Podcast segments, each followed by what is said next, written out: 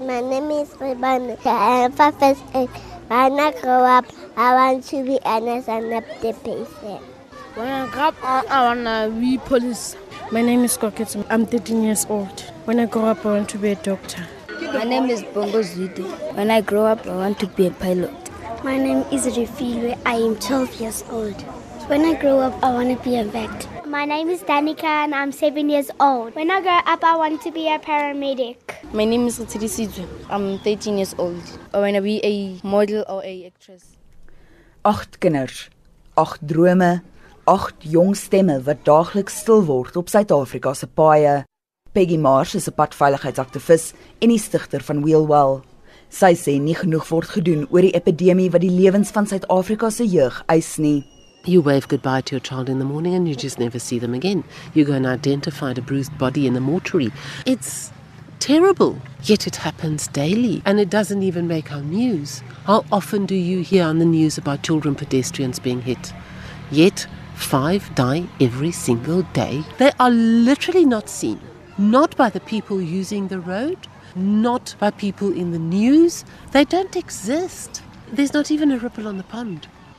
There are approximately 1,300 children killed on South Africa's roads every year.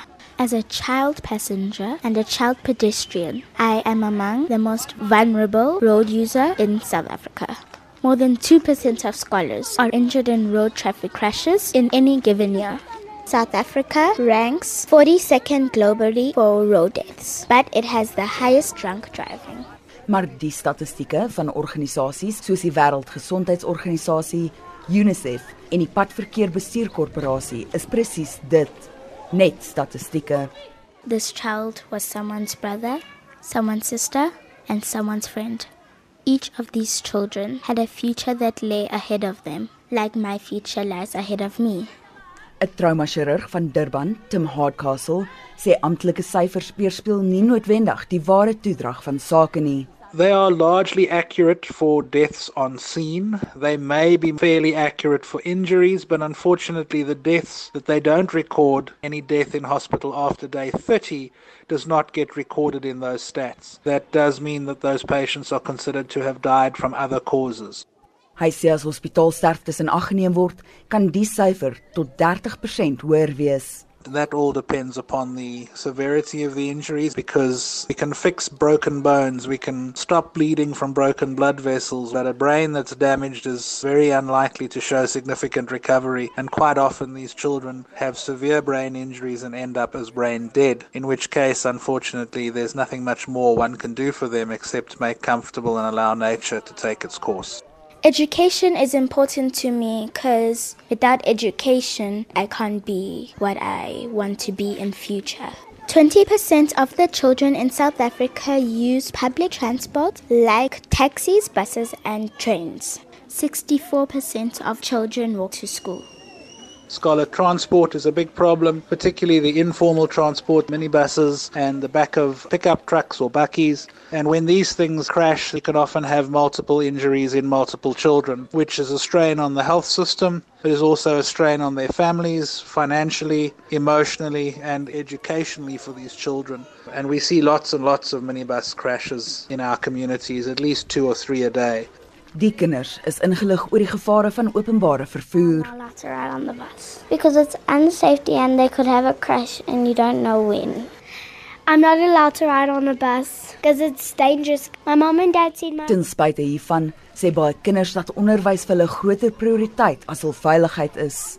People are taking children and people who are driving the taxi they can shout at us we are not safe children they are not safe especially girls they can even rape us kidnap us When I see a accident, I feel I feel scared.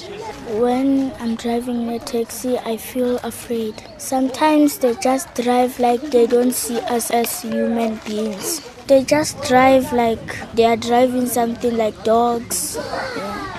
I feel so scared because they treat children worse than adults. Sometimes they drink and make accident and criminal. Aktivis Peggy Marsh sê hoewel die gevare bekend is, is nie almal bevoordeel om kieskeurig te wees nie. I know the less money you have, the less options you have. Our children are very, very precious. So we need to keep our child safe. And I fully understand that I am asking parents to do the impossible because the support structures are not there. Maar watter ondersteuningsstrukture behoort in plek te wees?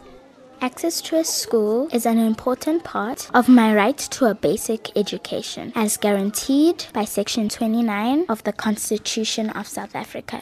A lack of safe and reliable transport is a violation of a child's right to dignity and education. En dit wil voorkom of die regering saamstem. On the 23rd of October 2015, the South African government published the National Scholar Transport Policy to ensure that children don't walk or travel long and dangerous distances to school. The Department of Transport has a constitutional mandate to provide safe and efficient transport for me.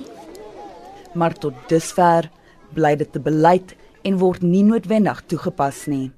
My name is Khale. I am nine years old, and my safety is your priority. I'm a person. My name is Rebane. I am five years old. I am a whole person. I have a right to dignity. When I grow up, I, I want to be police. I have the right to learn.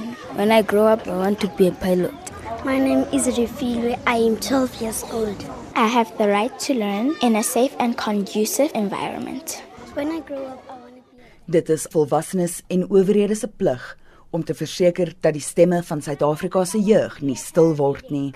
I have a right to safety. I have a right to dignity. And I have a right to live. Children should be seen and not hurt. Ek is Jermaine Krige vir SAK nuus in Johannesburg.